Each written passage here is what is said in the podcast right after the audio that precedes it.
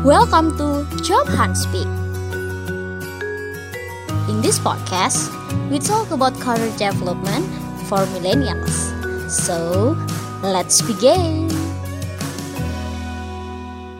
Lu harus stick with your goals juga gitu loh. Goal lo adalah masuk ke company ini. Kalau lo fit in, lo akan jadi consideration yang memang kuat. Lo akan jadi seseorang yang memang akan dikonsider banget.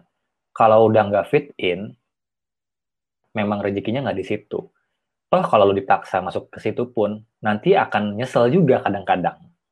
Jadi menurut aku tuh, Hmm, nggak iya, jadi ya. eh, menurut aku aku udah sejauh ini ngerasa emang culture fit itu jadi bobot besar untuk kayak ya salah, salah sebuah poin ya, sebuah bobot besar untuk masukin atau untuk untuk rekrut untuk rekrutmen gitu. Selain technical skill. Oke. Mbak ini tadi, hmm, tadi kan kita udah sempat ngobrol juga nih tentang yang pekerjaan di South Africa ya. Nah, tapi kan ini sekarang masih pandemi nih. Jadi trennya kan kerja masih virtual, masih ada banyak perusahaan yang kontraknya remote gitu kan.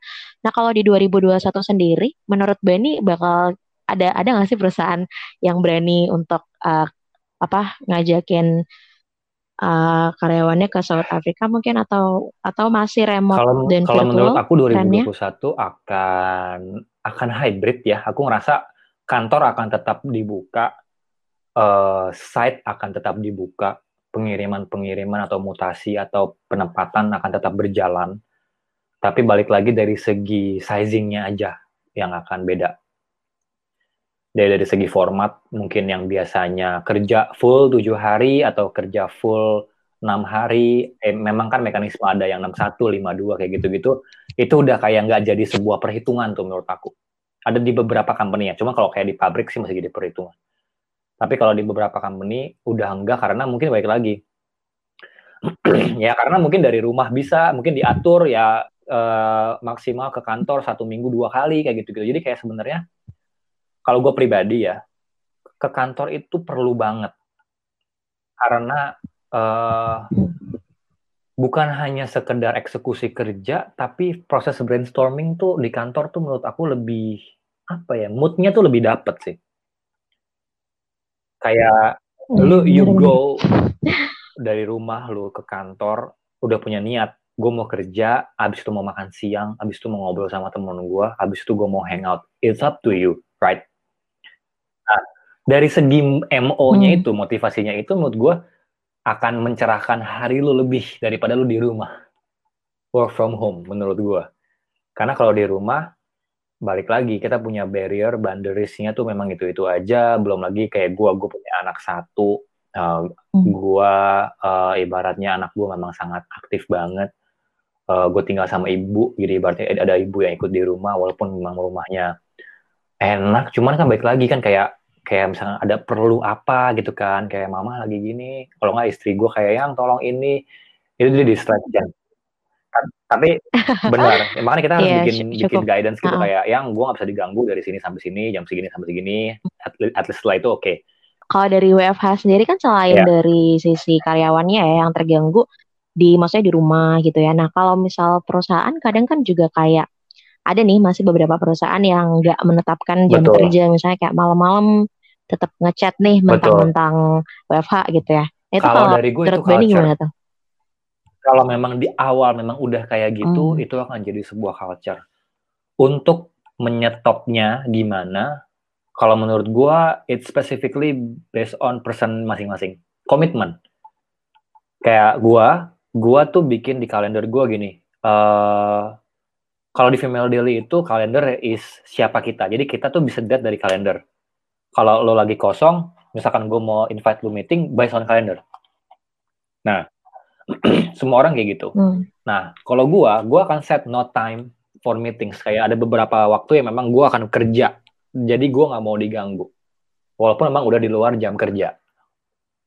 Terus kalau misalkan memang, Hmm. Kalau- So kalau Hmm. ya kalau memang misalkan kalau gimana gimana? sama atasan pun bisa didiskusikan aja kalau gua. Kayak kayaknya kalau untuk kebutuhan-kebutuhan yang kayak gini-gini, gue bisa available jam segini sampai jam segini. Tapi kalau memang lo butuh urgent, uh, mungkin gue akan uh, kita akan tetap komunikasi. Tapi untuk pengerjaannya akan dari besok atau enggak kayak gitu. Jadi ini semua diomongin sih. Karena di masa kayak gini komunikasi hmm. nomor satu, nomor satu banget. Lu WhatsApp nulis, uh, gue pengen makan nih. Bisa jadi bisa jadi tanggapannya kayak gue pengen makan nih kayak marah-marah bisa jadi gue pengen makan nih emang benar-benar lapar ngajak lu makan iya dong ya kan iya benar-benar nah sering banget aku, miskom gitu ya by WhatsApp. uh, the way we manage the miscommunication ini yang pertama kalau memang masih mau main text use emoticon. Kalau memang mau telepon better telepon. Karena sekarang kan ada ada ada ada fase di mana zoom fatigue ya kan? Kayak kecapean zoom segala macam menurut gue yeah, itu minimalisir nggak masalah. Kalau lo bisa telepon terus nyelesain masalah why not kadang banyak hal yang karena lagi tren karena lagi hype we all doing zooming terus padahal menurut gue untuk bahas ini gue telepon lo beres kelar beres jangan terlalu dianggap we have to do this and this terus gitu kayak you can do email pun kalau udah beres, beres man. Ya kan? Udah nggak usah dipusingin. Kalau lu perlu brainstorm, hmm. ya you can do Zoom. Kalau gue gitu, sifat gue, gue sama tim gue gitu, tim gue berempat, berlima. Gue jarang, uh, paling jarang untuk, eh Zoom yuk gitu. Kalau Zoom berarti gue ada sesuatu yang memang harus kita brainstorm. Untuk tiga bulan atau dua bulan ke depan. Apa aja. Nanti setlistnya udah dapet, gue kasih ke masing-masing tim habis itu uh, kita kasih timeline baru gue japriin masing-masing kayak lu bisa ini kapan mau meeting kapan lu bisa ini kapan mau meeting kapan jadi kadang-kadang semua orang punya fase kerja beda-beda kan lo lagi zen di sini hmm, tiba-tiba diganggu sama ini jebret. Waduh ya kan? Terus keganggu tuh mood lo. Bisa ngomong. Bisa ngomong aja nggak masalah. Mbak kalau hmm, misalnya kayak gini-gini aku di WhatsApp dulu ya. Atau nggak gini-gini ya. Telepon nggak apa masalah sih cuma WhatsApp dulu aja. Atau enggak Yes. Jadi emang harus, komunikasi, harus komunikasi. Ya? Lu harus kasih tahu ke uh, requirement-nya gimana. Mau nggak mau. Itu kan exactly. masuk soft skill juga ya Bania berarti. Kayak nggak semua orang kan Bener bisa banget. berkomunikasi kayak gitu kan. Banyak banget yang kayak ya udahlah nggak apa-apa gitu. Cuman dia nangis gitu. Terus stres sendiri kayak gitu. Nah ngomongin itu mungkin kalau ya. menurut Benny sendiri ya di 2021 kan berarti shifting juga nih ya. Ada Zoom, ada trennya kan beda kerja trennya beda kira-kira kalau untuk uh, orang-orang yang bekerja gitu ya skill apa sih yang Oke, okay, kita bahas gitu soft skill di 2021. Skill ya. Karena menurut gua kalau kita bahas skill itu selalu yeah. perkawinan dari dua itu.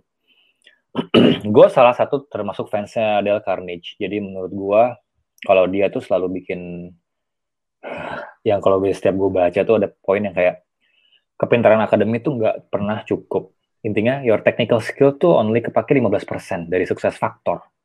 The rest is soft skill. Kan kayak gitu. Nah, menurut gua sebenarnya kalau gua baca dari World Economic Forum, gua beberapa kali webinar di 2020, 2015 sampai 2020 itu ada 5 uh, dari top 10 yang berubah soft skillnya. Jadi yang tadinya mungkin communication skill, uh, negotiation skill, kayak gitu-gitu tuh ada yang hilang di 2020. nggak berguna lagi. Nah, menurut gua di 2021 ke depan yang memang harus difokusin dari segi soft skill itu adalah cognitive flexibility kalau gua. Gue sempat ngobrol ini di beberapa webinar sama Atma Jaya juga, sama Trisakti juga, karena menurut gue, karena shiftingnya akan terus berubah, cognitive flexibility kita juga harus dilatih. Karena balik lagi kalau nggak dilatih, kita akan terpuruk terus dari segi mental. Contoh sesimpel mungkin aja seperti ini. Hari ini kita bilang A dan akan melakukan A. Tiba-tiba lusa harus jadi B. Paham kan maksud gua? Karena apa? Karena faktor ekonomi, karena faktor mm -hmm. klien, karena faktor apa segala macam. Kalau misalkan kayak gitu kita nggak ke, punya kemampuan untuk shifting dari segi kognitif kita sendiri, susah. Yang ada depresi. Yang ada, oh kok gini melulu ya, gue resign deh. Terus pindah ke company lain, kayak gitu juga. Hmm. Tapi emang kan? ekstrim sih semenjak pandemi kayak perubahan itu kan sangat Bener, cepat dan banyak banget ya. Bener kata Bani sih. Hari ini bisa A, bener. Jadi besok tiba-tiba plannya ganti B gitu. harus dijaga banget, harus dilatih banget, karena cara melatihnya pun banyak. Terus dari segi hard skill menurut gue, anything related to technology. Jadi gini, menurut gue prinsipnya gini, apa pun disiplin ilmu kita, kita harus tetap open-minded dengan teknologi. Sesimpel, dulu ilmu fi- financial, it's only ilmu financial. Sekarang, ilmu financial jadi sebuah produk yang dijual dengan teknologi. Iya nggak sih? Dulu HR system kita Hmm, bikinnya betul. untuk kita doang sendiri. Sekarang dijual. Jadinya disiplin ilmu itu tuh memang akan menge- selalu kawin dengan yang namanya teknologi, apa pun disiplin ilmunya. Dan kita harus open minded dari segi itu. Jadi kayak ah ini aja cukup gue nggak bisa lah itu mah nanti juga pakai gini gini gini. Ternyata besoknya semua pakai itu semua. Buff. Ya. Kita ketinggalan. Terus ketinggalan deh gitu ya. Banyak, ba- kalau Banyak dari banget. pengalaman Bani banyak yang gitu ya kayak kayak sebenarnya mungkin masih banyak yang nggak sadar kalau misalkan job hunt pun kan nge punya analitik data kan semua pakai keyword ya kan gitu-gitu kan. Jadi CV yang masuk tuh sesuai dengan Hmm. keyword yang dibutuhkan apa ini itu. Cuman mungkin pelamar nggak nyadar itu bermain.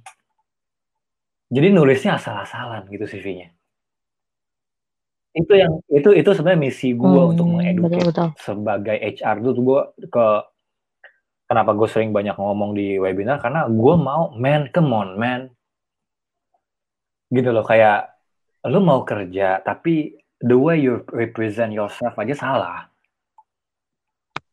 Gitu jadi ada ada hal yang sebenarnya nggak nemu nih dotsnya nih. Terus nggak ada yang mengeducate juga. Wah gokil. Gue kayak malah menurut gue kayak oke gue lumayan banyak alhamdulillah. Tadi kita bahas bless in disguise dari segi pandemi. Dari segi pandemi ini Iya. eh ya alhamdulillah gue ngisi webinar banyak di kampus. Justru target gue kampus jadi gue bekalin tuh. Kita karena misi edukasi itu. Karena Ini misi insya edukasi itu tadi itu ya. karena menurut gue ini kan generasi gue dengan umur gue yang segini kayaknya udah lewat nih. Tapi generasi anak gue ini akan jadi another fighter di masanya. Ya kan? Maksud gue yang di bawah gue 10 tahun aja Hmm. the way dia nulis CV-nya udah begini ya udah beda lagi. Nanti gimana anak gue cara mengirim CV gimana cara anak gue interview udah pakai AI semua kali gue nggak kebayang. Iya dong tapi kan intinya secara fundamental semuanya sama kan?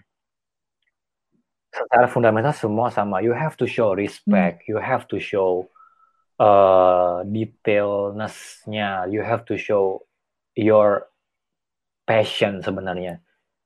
Intinya seperti itu fundamentalnya sama. Cuman gimana caranya kenapa masih dilupakan? Kenapa lupa melulu? Bukan masih dilupakan nggak nyadar bahkan itu misi gue sih jadi kayak gitu Tapi hmm, tapi balik lagi tadi Iya. ke soft skill dan hard skillnya. ada lagi nggak Kayak yang mau cukup sih ya. karena menurut gue sih sebenarnya ba- banyak sih sebenarnya banyak cuman menurut gue balik lagi Jadi- kalau kita mau fokusin gue pengen fokus di cognitive flexibility karena dari segi soft skill kalau misalkan kita Hmm. baca buku tentang itu perspektif apa yang harus dilatih kemampuan itu tuh karena mencakup banyak hal dari segi cognitive flexibility jadi ada adaptability ada confidence ada awareness jadi biar biar kita tuh lebih lebih mudah shifting changing mindset kita. Jadi kalau yang lain banyak banget sih sebenarnya kayak dari segi yang gue baca kalau dari World Economic Forum tuh ada tetap masuk kayak problem solving ya kan critical thinking kayak gitu-gitu. Cuma balik lagi eh, poin dasarnya itu dulu sih. Jadi di 2021 kayak yang Yes, paling kalau penting dari banget gue segi cognitive dari segi itu ya. karena mencakup banyak hal. Kalau gue belajar dari berangkat dari situ dulu. Hmm, Dan emang orang-orang juga belum pada gimana ya, belum banyak gak sih yang kayak terbuka untuk oke cognitive flexibility gitu. Bener banget masih Kayak kebanyakan kan masih hmm, cukup baru. Ini tuh Karena cukup baru di juga 2020 sih? pertengahan sampai ke akhir sebenarnya. Literasinya juga udah banyak sih, cuman kayak apa ya? eh Karena menurut gue ini permainan sudut pandang sih. Contoh nih ya, misalkan bos lu bilang A, lu bersikeras di, di B. Yang salah siapa? Hmm. Ayo. Iya kan? Kalau misalkan bingung ya. Kalau lo bisa bermain so, dari situ, segi oh. ujung-ujungnya bikin A atau ujung-ujungnya bikin B, itu kemampuan cognitive flexibility lu yang bekerja sebenarnya. Jadi kayak ibaratnya kayak hmm. oke okay, Pak, menurut saya kayak gini gini gini gini, tapi lu ngomong kayak gitu lu butuh confidence gak? Iya dong. Nggak semena-mena lu selalu ikut mulu kalau orang bilang A hilang A ikut aja Iya dong. Lo kapan punya branding personalnya lo bagus kalau lo kayak gitu. Itu kan apa? Awareness lo dilatih. Iya kan? Terus dari segi adaptability juga harus kuat. Jadi itu salah satu komponen dari segi cognitive flexibility-nya. Oke, berarti mungkin buat yang dengerin nih kali ini bocoran. agak bocoran juga ya di 2021 kalau kalian mau jadi uh, apa ya job seeker yang pionir gitu ya kalau kalian punya cognitive flexibility bakal dilirik sama HR atau yang udah kerja bahkan mungkin Betul. bisa lebih dimaksimalin karena kan emang ya di masa kayak gini kayak tadi Bani bilang ya perusahaan emang kalau perusahaannya bagus kebanyakan kan nggak mau ngekat karyawan nih cuman ya itu tadi Bener kita banget. emang dilatih banget tuh cognitive flexibility-nya kalau kita maunya gitu-gitu terus lewat Jujur ini bukan sih? hanya untuk di masa-masa kayak sih, gini. buat aku juga sih. Aku ngelatih ini buat aku, buat istri aku, buat anak aku juga gitu kan ya buat kalau ya memang kita sama-sama bekerja tuh kayak uh, ngelatih sudut pandang yang berbeda gimana sih argumentasinya, tapi masih sama-sama di jalur yang tidak ngata-ngatain. Jadi kayak menurut gue perbedaan itu kan nggak hanya dalam kerja. Iya nggak sih? Kayak uh, kita bedah itu, hmm. mempelajari itu, melatih itu, cognitive flexibility, terus sama kalau dari segi hard skill, uh, dia apalagi kita di teknologi akan mendominasi. Cuman kalau menurut aku, semua disiplin ilmu akan dibalut dengan teknologi nanti ke depannya. Pasti. Karena teknologi cepat banget ya, dan di masa pandemi ini kayak tahu-tahu Zoom tuh langsung populer gitu. Maret, eh di bulan uh, Desember 2019 sudah kayak ah ya udah deh kita gini-gini aja ya. Terus tiba-tiba saat pandemi oh kita kaya hore gitu. Kaya banget sih dia tiba-tiba gitu ya. Gak ada yang tahu Benar. kan karena bener-bener the power of technology banget sih. Kayak semuanya langsung berubah. Yang tadi juga kan kita udah cerita ya masalah brand. Yang awalnya mungkin brand bikin itu ya udah dibikin Benar. cuman untuk digital biar orang lebih nyaman gitu ya. Misalnya yang uh, apa pun itu ya. Cuman kayak ketika udah pandemi kayak gini, ya Betul. mau nggak mau yang Jadi digital akan lebih dipilih gitu. Ya. Duluan. Intinya game changer deh. Siapa duluan? Job Hunt bisa ngeluarin hmm. ini ini ini rilis terus habis itu ngeluarin kayak dapat uh, awareness ya naik, udah bisa jadi dia di uh, bisa di champion. Jadi intinya champion itu hmm. tergantung siapa dulu duluan, siapa yang mau paling bertahan juga dari segi uh, hmm. konsistensi yang paling bagus champion mentality. Hmm. Semua. Berlaku juga untuk job seeker ya, karena jadi dulu duluan tuh juga nggak apa ya nggak segampang itu gue dulu nih gitu kan karena pasti nggak ada yang mau duluan Betul. karena uh, ada threadnya gitu kan, kan karena banyak pertimbangannya semuanya gitu. sekarang masih wait and see kan kayak uh, ini gini nggak ya tapi kalau misalkan tiba-tiba ternyata pas duluan ya betul soalnya aku mempelajarinya dari apa yang benar-benar unik justru makin banyak brand yang muncul di pandemi secara nggak langsung. Iya, benar. Karena aku kan di Oh iya, gitu ya. Ya ibaratnya kan uh, aku di beauty industry yang memang sebenarnya nggak hanya beauty kan. Jadi bisa aja itu pomade, perfume, hmm. A to Z dari yang punya. Uh, ya, gue kan nggak ngerti banyak ya skincare tuh apa aja banyak banget lah. Cuman yang yang memang gue dari segi bisnisnya aja banyak brand baru bermunculan dari Instagram juga udah uh, brandingnya udah bagus, dia udah ngincar segmentasi marketnya apa, ini di kala pandemi. Karena mungkin dia udah riset gitu kan. Selama di rumah, orang kebutuhan untuk ngerilis stres tuh apa sih? Hmm, betul. Hmm. Bener. Ada pakai sheet lagi, ya, yang ada yang bilang tren pakai sheet mask. Itu yang gue nggak tahu ya. Ibaratnya gue cuma tahu dari istri gue aja udah kayak oke okay deh.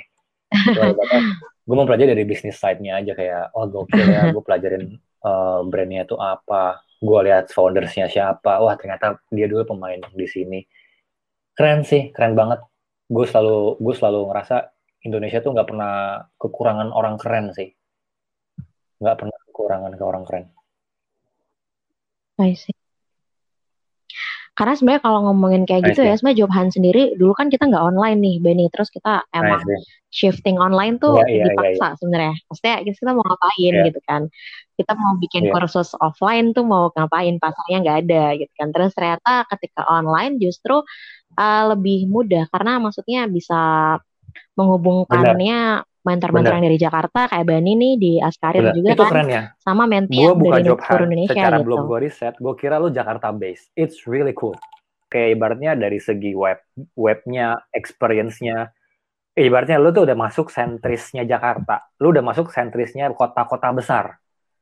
Ya memang sebenarnya eh segi company-nya juga company-company lu kan ada beberapa company startup juga kan yang masuk situ kan Hmm, betul. Nggak, nggak, nggak bakal Benar, bakal bisa benar. tuh kalau Keren, misalnya masih base di Surabaya Gitu ya. Oke oke. Nah, Bani Yes. kalau kayak gitu nih kan mungkin kebanyakan yang dengar adalah Boleh. job seeker. Jadi mungkin kita akan fokusin balik ke job seeker ya. Nah, selama pandemi kan uh, ada juga yang Ya. mungkin lulusan pandemi gitu ya, lulusan-lulusan pandemi yang susah belum dapat kerjaan. Tapi ada juga yang uh, mereka tuh Iya, udah kerja cuma di PHK atau mungkin terpaksa keluar gitu. Nah, tapi pasti kan semuanya sama Ya. nih, sama-sama ada gap di resume mereka gitu kan. Ada gap mereka setahun ngapain nggak ngapa-ngapain atau gimana. Nah itu kalau dari sisi recruiter sendiri apakah ketika oke ini tahun pandemi itu udah cukup jelas gitu? Atau sebenarnya ada tips-tips tertentu yang bisa dilakuin sama uh, job seeker untuk uh, apa ya mengisi kekosongan kalau menurut di aku gap-gap yang ada di resume mereka pasti ini. yang namanya recruiter juga udah mengerti dari segi memahami juga dari segi masa 2020 ya. Ada yang kena layout layoff segala macam. Cuman menurut gua Hmm. eh, kalau misalkan memang ada gap selama diisi walaupun memang tidak akan tercatat kayak misalkan zaman sekarang itu menurut aku secara pipeline kita tuh udah bisa ngapain aja dalam hal belajar menurut aku. Intinya kalau memang tidak masuk ke experience kerja, at least masuk ke experience dari segi development diri sendiri. Dan menurut aku mendingan fokus di memperbanyak link. Sekarang tuh banyak conference online. Ya kan? Contoh kemarin ada yang namanya uh, Idea Benar, Fest benar. online, semuanya Tech in Asia online. Ya, semuanya udah online. Ya mau ngapain lagi nggak bisa offline? Ya gue Hmm, juga ya. ikut lah online, ikut aja. Nah, dari dari situ tuh menurut aku bisa nge-build koneksi, bisa nge-build kita punya kenalan siapa, kontak siapa, kayak gitu-gitu. Jadi poinnya Ya, adalah jangan pusingin CV-nya. Jangan pusingin gap dari CV-nya. Karena menurut aku gap dari CV itu ya kalau memang lo di layoff, ya it's gonna be ya lo di tercatat sebagai yang lo yang di layoff. Gua itu bisa ke siapa aja, bisa ke gua, bisa ke lo ya kan. Bisa ke siapa aja. Cuman dari segi memang mungkin belum rezeki kita diterima Hmm. kerja lagi, menurut gua poin yang paling penting adalah isinya. Isi dari gimana Ya. caranya kita mendevelop diri kita sendiri. Strateginya banyak banget sih menurut gua. Misalkan gua orang yang cukup agak-agak aneh. Gua suka digital marketing. Gue suka digital marketing, gue suka brand. Gue suka tuh mempelajari brand. Ada brand baru gue lihat foundersnya siapa, habis Hmm. itu gue kayak oh dia mainnya di market mana, nanti kita lihat Hmm, A/B testingnya kayak gimana, kita buka di eh, Google Analytics kayak gitu tuh. Suka, suka banget. Tapi bukan dijadiin sebagai hal yang eh, profesional.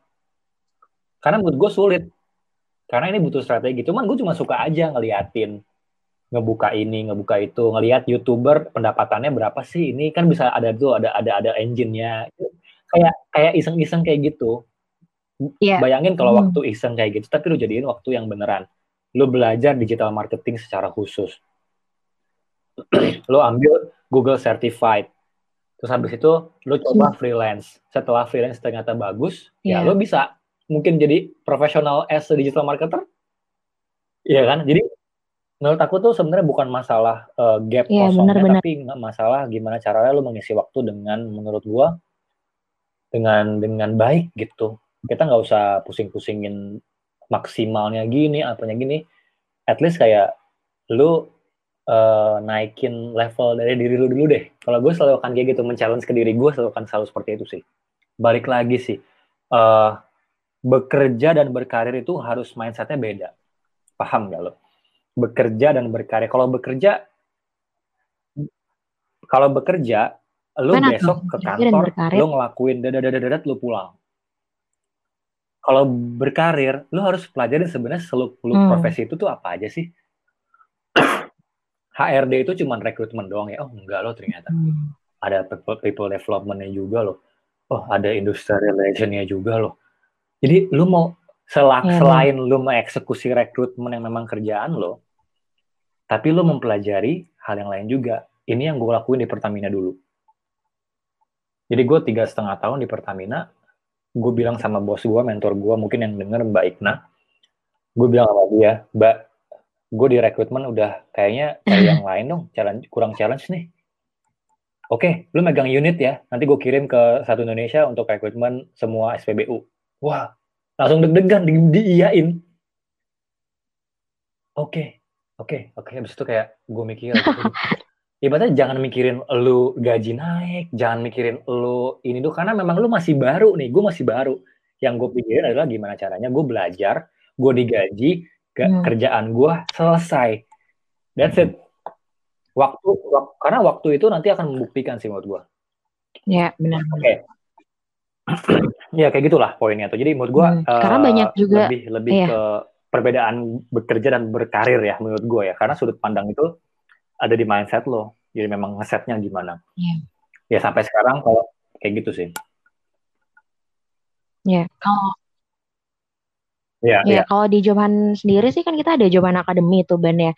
Nah banyak banget sih sebenarnya kayak mintinya yang mereka lagi di PHK gitu atau mungkin baru fresh graduate tapi mereka emang bener kata Benny sih dia memulainya yeah. bukan yang iya. langsung yeah. Apa ya langsung gede gitu masuk ke perusahaan gede oh, karena kan orang biasanya bener, fresh graduate cita-citanya sangat tinggi ya ingin langsung kerja di Gojek begitu ya cuman apalagi pandemi gini susah nah kebetulan mereka kan ikut course di job hunt dan akhirnya Indian at least mereka freelance Keren. gitu atau at least mereka akan misalnya mereka belajar yeah. digital marketing terus mereka kayak diambil SEO spesialis terus mereka right. bikin website sendiri mereka monetizing banyak sendiri banget. kayak gitu so sebenarnya peluangnya tuh Bener. banyak banget untuk kayak lo tuh nggak perlu kosong Bener. gitu ya resume lo tuh selalu isi dengan apa pun itu karena Bener. pandemi True. justru membuka pintu-pintu banyak sih menurut gue kayak lo bisa ikut kursusnya tuh banyak yang gratis, pelatihan-pelatihan gratis. Bahkan dengerin podcast kayak gini juga jadi tren juga ya. Dulu kayak sebelum pandemi udah Bener. banyak sih podcast ya. Cuman kayaknya tuh nggak setren sekarang gua, gitu. Bagaimana lo memaknai aja sih sebenarnya kayak kalau lo ngerasanya ini jadi jadi pandemi yang membuat lo tidak bisa ngapa-ngapain, ya lo mau sampai kapan pun menurut gue lo nggak akan bisa ngapa-ngapain, mau ada pandemi atau enggak. jadi ya balik lagi kayak gitu lo bener banget. Jadi poin yang yang memang harus kalau memang uh, kita mentok di sebuah company yang memang di layoff, fokuskan ke development lain. Kalau lo masih berada di sebuah company itu, fokuskan lo di company itu. Jangan buang waktu cuman kayak mengkomparasi sebuah company dengan company lain. Jangan buang waktu hanya untuk sekedar kayak uh, membandingkan kayak ah kerjaan dia lebih enak kayak gitu-gitu. Karena menurut gue uh, ya gitu sudut pandang soalnya. Hmm. Jadi sudut pandang bekerja dan berkarir itu memang harus di di set. Karena menurut gue itu key-nya. Kalau memang lo udah ngerasa lebih rich dari segi ilmunya, gue punya prinsip gini. gue akan resign di sebuah company kalau yang pertama semua apa yang gue develop sudah selesai. Yang kedua, gue sudah lebih pintar dari sebelumnya. Baru gue resign. Tapi kalau selama itu hanya gaji, dan kerjaannya sama, menurut gue nggak berkembang guanya. Hmm. Kalau gue mikir gitu, dulu gue di Pertamina, masa hmm. gue gini, orang pada bingung, ban lu kenapa resign dari Pertamina ke startup? Bukan masalah itunya, gue ngeliat ke depannya, ini startup hmm. akan kayak, ini ini funky banget nih. Hmm. Seru banget, gue nggak tahu mau jadi apa. Memang hmm. mungkin gue akan jadi HR supervisor, akan gue akan belajar jadi HR yang memang gue akan jadi head of HR nantinya gue udah bilang kayak gitu gue nggak mau cuma jadi sekedar spesialis rekrutmen atau spesialis training enggak mm. gue bilang gitu dari diri gue walaupun ujung-ujungnya dibanting-banting kanan kiri Lin. kayak pindah ke startup show culture gue biasa masuk jam 7 di jam kerja mm. startup pertama gue jam 9 terus orang pada datang jam 11 gue HRD pertama gimana nggak shock culture ya kan jadi intinya intinya cuman gara-gara bukan gara-gara intinya yang pertama gue tahu Yeah. bisnis ke depan akan lebih dynamic gue tahu sebenarnya eh Hmm.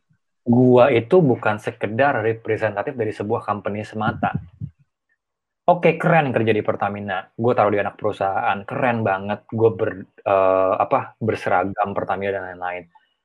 Cuman maksud gua ada eh, di dalam Hmm. diri gue yang kayak gue pengen bikin sesuatu dari nol. Gue nggak, walaupun gue nggak tahu nanti hasilnya akan seperti apa. Tapi bukan entrepreneurship ya, kayak bukan bisnis sendiri. Tapi gue pengen kayak gue merasakan sih Iya. nyebar kartu nama, ikut pitching ini, apa ikut uh, speed dating, bootstrap. Wah, gue tuh ingin merasakan itu gitu loh, karena gue mata gue terbuka. Kayak ter- ternyata company itu yang gak cuman BUMN, gak cuman banking, gak cuman oil and gas gitu kan, gak cuman PLN atau gak cuman elek yang kayak gitu-gitu. Ternyata banyak orang-orang keren yang gue bilang di Indonesia orang-orang keren tuh nggak pernah habis man. Apalagi nanti generasi-generasi baru dengan ide-idenya. Dan gue udah tua nih kayak gue cuma kayak main mungkin ya gue nanti 40 40 up mungkin waktu gue ya buat giving back aja kayak cerita pengalaman apa mungkin connecting the dots dari segi relasi-relasi Hmm. gue kayak gitu-gitu sih Nah, mungkin kalau misalnya teman-teman mau ceritain yang lebih personal gitu ya, karena kan pasti journey setiap orang sebagai job seeker itu kan beda-beda, betul. Nah, itu nanti teman-teman bisa nih uh, hubungi Bani di Job Hunt S Career ya, Bani ya. Jadi salah satu layanannya Job Hunt Betul, di mana teman-teman bisa konsultasi one on one. Jadi nanti nih sama kayak aku dan Bani sekarang gini nih ngobrol. Cuma nanti by Zoom ya, bisa tatap muka juga. Tapi before kita meeting, uh, before kalian meeting, misalnya nanti nge-set jadwal sama Bani bakal uh, bisa ajuin juga sih mau sesi diskusinya tentang apa, curhat dulu gitu ya singkat. Nanti hari H Bani udah siapin materi, terus kita um, sesi one on one gitu sih cerita aja kayak oh sebenarnya gimana dari sisi Yap. Bani ngelihatnya seperti apa gitu. Kalau menurut gue sih kayak Ya. pasti orang-orang yang denger ini pasti kayak wah gue pengen nih mencari seorang Bani gitu. Dan kayak pengen tahu lebih dalam. Gue rasa sih kayak gitu sih kalau gue jadi yang denger ya. Karena emang keren banget sih Oke, ceritanya Bani you. keren banget. Di- di- dari dia kerja di Pertamina emang udah keren udah gitu dia berani untuk uh, ke startup juga dan dia sebagai seorang HR pun keren gitu ya melihat gimana ya untuk apa ngebangun budaya perusahaan yang di perusahaan yang sekarang bahkan carinya orang-orang yang loyal dulu sama brandnya yang ngerti brandnya dulu baru kemudian bisa jadi uh, karyawan yang loyal gitu. Dan itu menurut gue kayak keren banget sih karena karena perusahaan you, banyak thank banget ya di Indonesia. Maksudnya ngomongin perusahaan ngomongin startup itu banyak sekali cuman nggak banyak HR-nya yang ya udah ngelihat kayak gini gitu bahwa karyawan adalah sebagai aset gitu.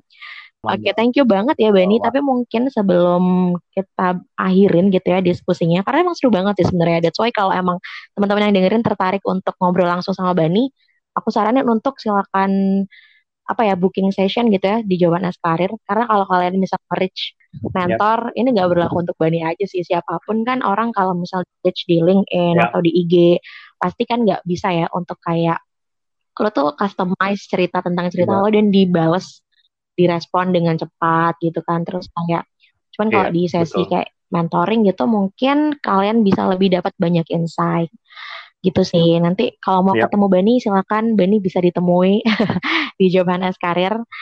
Nah terus eh, mungkin terakhir Bani ada pesan-pesan apa nih buat yang dengerin yang masih berusaha menemukan jodoh pekerjaan di tahun 2021 pesannya menurut gue keep grinding terus sama keep moving forward. Jadi ibaratnya keep grinding itu poinnya adalah kalau memang eh, ngerasa kurang harus selalu ngerasa kurang dan memang harus selalu ngerasa kita itu harus belajar lagi dan belajar lagi. Jangan pernah puas. Apalagi baik untuk eh, yang fresh graduate atau job seeker menurut aku. Cara menemukan karir itu simple banget.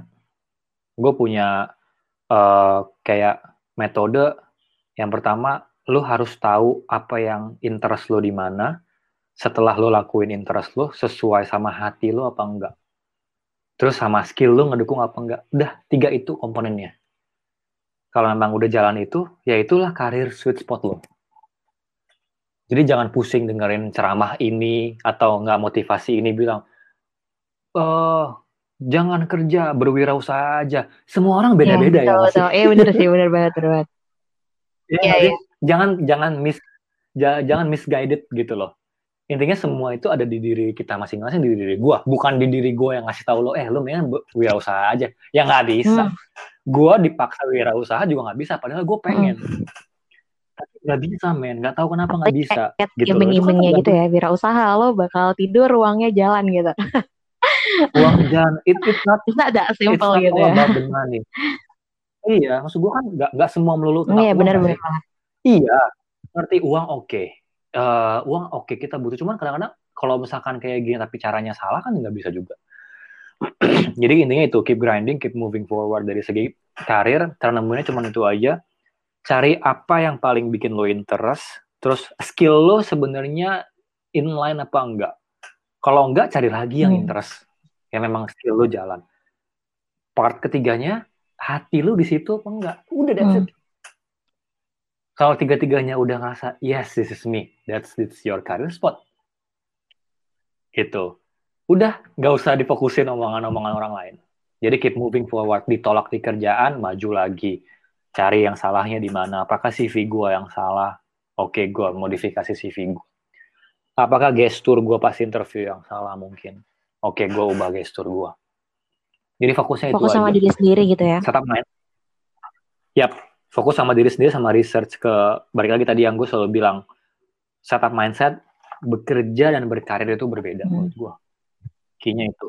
Kalau kerja, kalau dulu gue mikir kerja, gue bisa stay di sana di sebuah company besar yang udah tinggal ya gue kerja aja gaji oke okay, ya kan kerja aja udah masuk jam 7 pulang jam 4 sore kerja aja udah hmm. ya kan bisa beli nyicil rumah bisa nyicil mobil gitu gitu kan? Maksud gue kan kerja yeah. tuh. Cuman kalau misalkan lo mau fokus berkarir ya menurut gue lo akan jadi something yang more than you can imagine sebenarnya. Secara nggak langsung itu ada di diri gue kayak ih gue ada di sini karena mindset gue yang dulu secara nggak sadar. Kalau sekarang karena udah ngerti jadinya kita melatih lagi terus-terusan.